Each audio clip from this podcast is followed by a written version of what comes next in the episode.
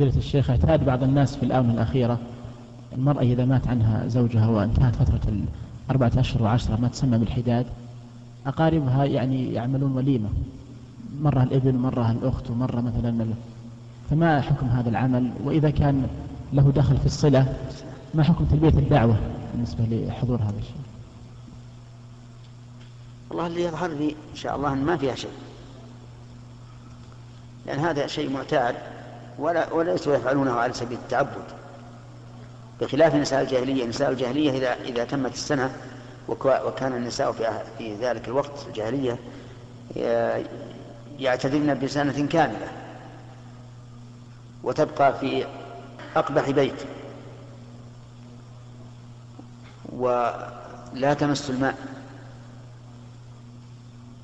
حتى لو حاضت ما تمس الماء ولا تغسل. فتبقى منتنة رائحة كريهة وإذا خرجت بعد سنة كاملة أخذت بعرة ورمت بها.